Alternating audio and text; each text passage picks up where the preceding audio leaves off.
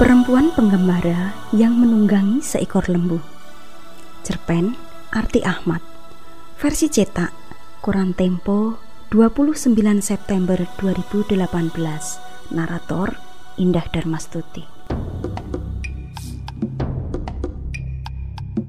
Lapangan tempat pembakaran mayat itu telah senyap.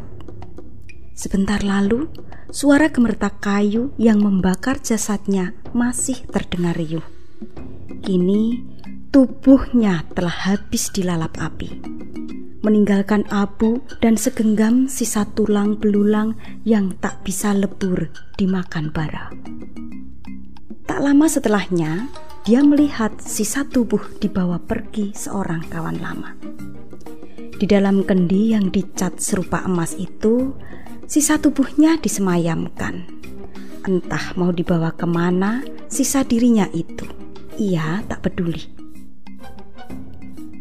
Senjakala yang ditingkahi mendung telah melahirkan malam jauh lebih gegas.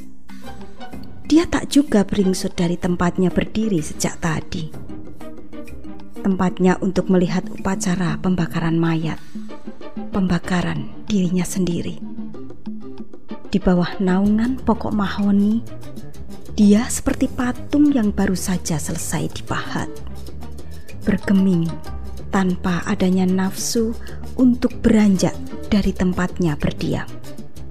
Sampai akhirnya dia sedikit terperanjat saat telapak tangannya yang telah mati dan dingin itu dijilati benda lunak yang basah. Seekor lembu berwarna hitam berada di sampingnya. Entah dari mana lembu itu datang, ia tak tahu. Lembu itu menggoyang-goyangkan ekornya. Dengusnya terdengar memburu, seolah ingin mengajak perempuan yang sepucat pualam itu beranjak pergi. Sesekali lidah lembu itu masih menjilati telapak tangannya. Dari mana kau datang?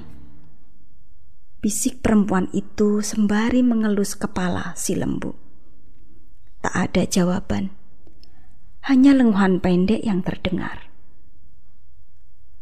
Kau lihat di tengah lapangan itu, masih ada sisa gosong bekas pembakaran mayatku. Kau tak takut denganku? Kini aku tak lebih dari sesosok hantu.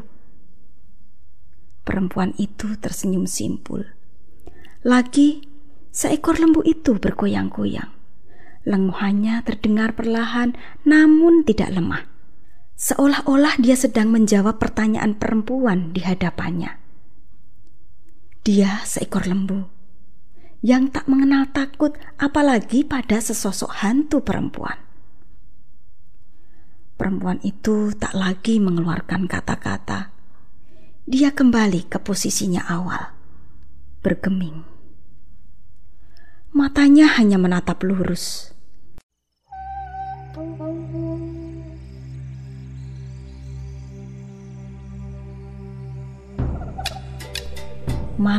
mulai merambat, senyap dan gelap, kawin menjadi kekasih kelam yang sedikit menakutkan.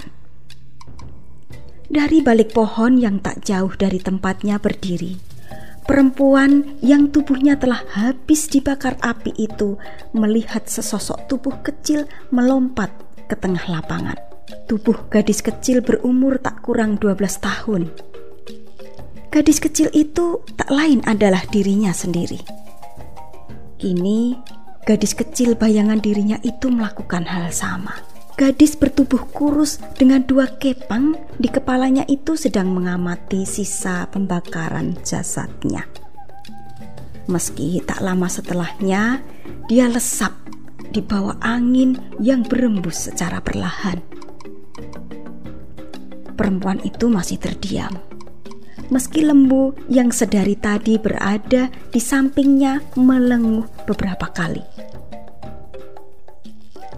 Kau tahu, di tubuh gadis kecil itulah kali pertama aku melakukan pengembaraan sebagai perempuan yang selalu meneguk luka Mungkin kau belum tahu itu.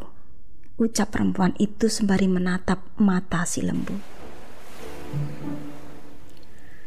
Api tungku bergoyang-goyang terkena udara dari tiupan ibu. Meminang malam tanpa makanan di tengah dingin yang menusuk-nusuk tulang. Gadis kecil berkepang dua itu lebih memilih berdiam di depan perapian bersama ibunya.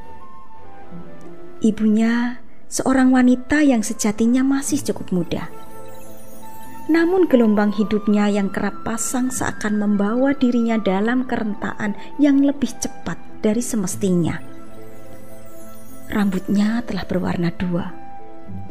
Wajahnya yang belum berumur banyak kerutan itu terlihat senantiasa lesu. Tubuhnya begitu ringkih dan menyedihkan di ambang umur 40 tahun. Gadis kecil berkepang dua yang belum genap 12 tahun umurnya itu hanya menggerak-gerakkan kedua telapak tangannya di bibir perapian. Ibu telah lama kehabisan beras. Singkong yang bisa mereka makan telah habis direbus tadi pagi. Siang sampai malam ini, mereka tak makan apa pun hanya air putih saja yang mereka teguk untuk mengisi perut yang semakin melilit diterkam rasa lapar. Suara pintu depan yang berdebam itu membuat mereka terperanjat. Gigi lantaran lapar menyilih menjadi gigi lantaran ketakutan. Suara langkah kaki yang berat namun memburu itu terdengar.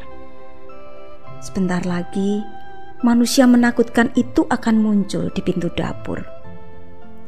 Benar saja, lelaki itu berdiri dengan sedikit limbung. Matanya yang merah menyala bagai sepasang mata milik lampor yang kerap merampas kedamaian malam kanak-kanak.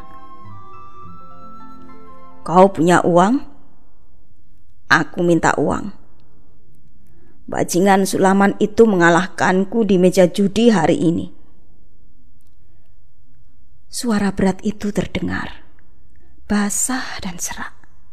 Aroma tua yang membuat pening kepala menguar dari mulutnya yang busuk. Tidak ada uang, Bang.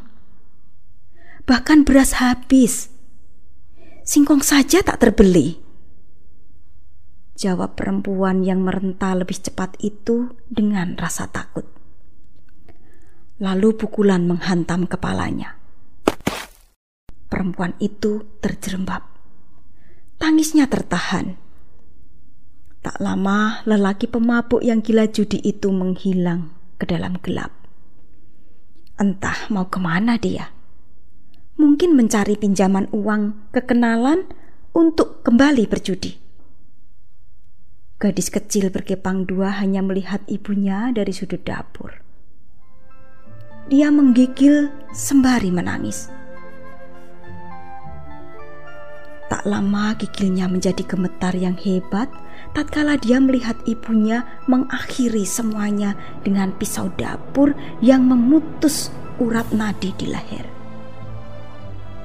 Kali pertama dalam hidupnya, gadis kecil itu melihat seseorang membunuh diri. Ibunya sendiri.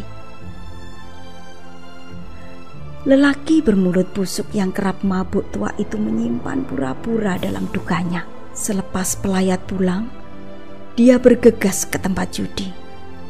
Uang dari para pelayat dalam sekejap amblas di meja judi. Dengan badan sempoyongan, dia kembali ke rumah. Kali ini, dia pulang dengan seorang lelaki asing. Dia anakku satu-satunya, sudah mulai remaja.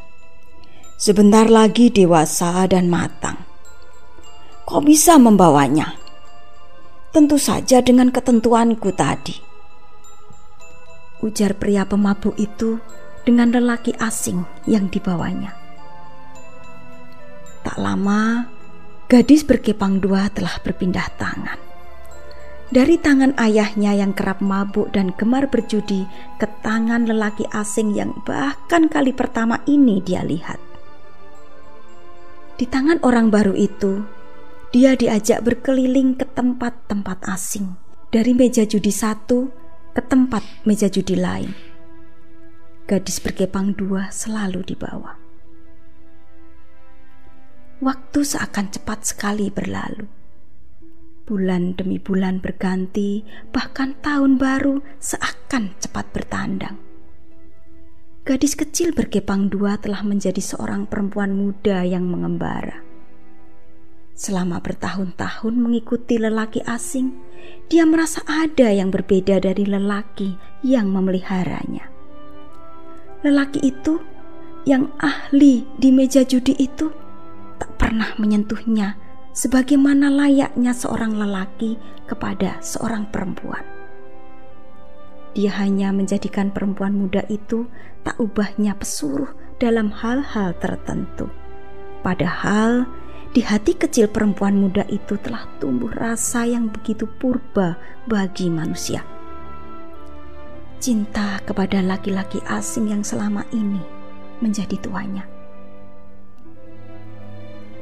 Aku tak bisa menyentuh seorang perempuan. Aku tak bisa jatuh cinta kepada seorang wanita. Ujar lelaki asing itu pada suatu hari tatkala perempuan muda memberanikan diri bertanya.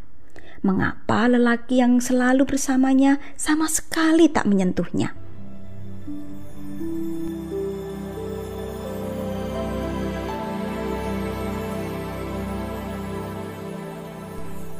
Tak lama setelahnya, lelaki asing membawa perempuan muda pengembara itu ke kota asing. Di sana, dia menyerahkan perempuan muda itu kepada seorang perempuan tua, seorang induk semang. Aku tak menjualmu, hanya menitipkanmu kepadanya. Sebentar lagi aku akan mati. Sayang jika kau kubiarkan hidup sendiri, katanya. Ucapan lelaki itu menerbitkan sendu di dada perempuan muda. Hari itu juga dia tinggal di kota yang terlahir di jantung kota besar. Tumbuh di dalam kota yang menua dengan degup yang berbeda. Kota yang sesak dengan rumah-rumah petak. Di kota ini, perempuan-perempuan muda tak perlu memiliki malu mereka kerap meneguk bergelas-gelas bir layaknya minuman sari buah. Got-got aliran air di kota kecil yang kerap dihujani kutukan itu kerap mampat lantaran karet-karet alat kontrasepsi dibuang ke dalamnya. Jorok dan penuh dengan hal-hal berdebah. Perempuan muda yang dulu kerap mengembara dari meja judi satu ke meja judi lain kini mengembara ke satu tubuh lelaki ke tubuh lain. Luka demi luka dia reguk saban waktu. Tangisnya tak lagi terdengar. Bukankah hidupnya sudah menderita sejak dalam kandungan? Ayah durhaka telah melahirkan luka di usianya yang masih begitu muda. Ibunya yang tak berdaya menerbitkan duka panjang baginya. Lalu lelaki asing yang dicintainya melemparkan dirinya ke kota yang syarat dengan hal-hal celaka. Ada yang ingin aku lakukan sebentar lagi. Mimpi yang kujadikan kembang tidur saban malam. Ucap perempuan muda itu kepada kawan lama yang kebetulan hari itu bertandang. Kawan lama seorang lelaki setengah baya kawan karib lelaki asing yang dulu kerap mengajaknya mengembara. Malam itu, mereka bercakap-cakap layaknya dua manusia yang selama ini memendam rindu untuk bertemu. Tentu saja setelah perempuan muda itu memberikan kepuasan di atas tilam untuk kawan lama yang baru saja bersua. Memangnya apa mimpimu itu? Tanya kawan lama sembari mengusir kantuk yang tiba-tiba melanda kedua matanya. Kematian. Ya, kematian. Ucap perempuan muda itu datar. Mata kawan lama urung memicing. Dia menoleh dengan kaget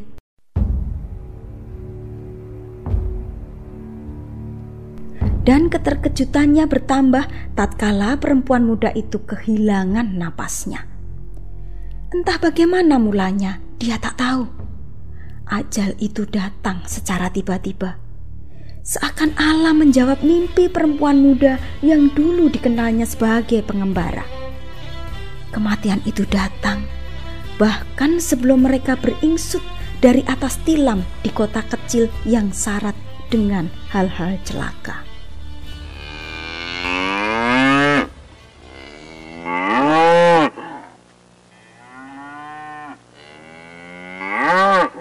Lembu itu mengeluh. Suaranya terdengar tak sabar. Kali ini perempuan itu beranjak dari tempatnya. Dielusnya kepala si lembu. Di atas punggung lembu yang hitam kelam itu, dia duduk dengan khidmat. Ajaklah aku pergi dari sini. Tapi aku tidak ingin kau ajak terbang ke langit aku belum hendak pergi ke nirwana. Bawalah aku keliling dunia. Jika kita temui perempuan sepertiku, ajaklah ia turut menunggangi punggungmu ini. Karena menjadi perempuan dengan nasib buruk sepertiku adalah luka di atas luka. Ujar perempuan itu perlahan.